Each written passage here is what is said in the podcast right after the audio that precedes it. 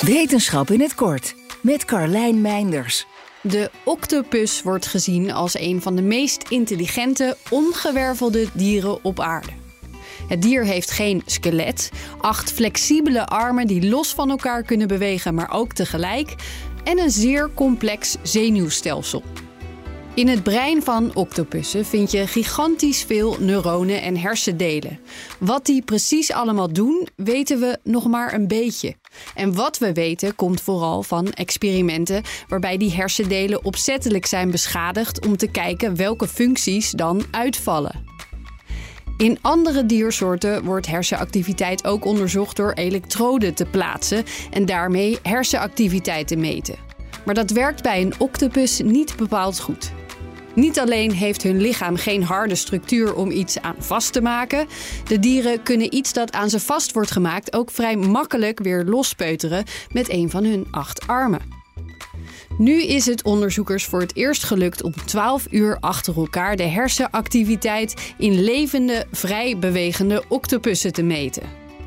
Dat lukte door elektroden en een datalogger in de dieren te stoppen in het onderzoekslab en die er na het meten weer uit te halen. Of dit pijnlijk of vervelend voor de dieren is geweest, wordt er niet bij vermeld.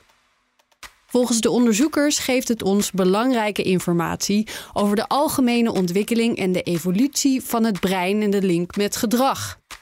Het octopusbrein is complex, maar ontwikkelde zich via een heel ander evolutionair pad dan dat van ons.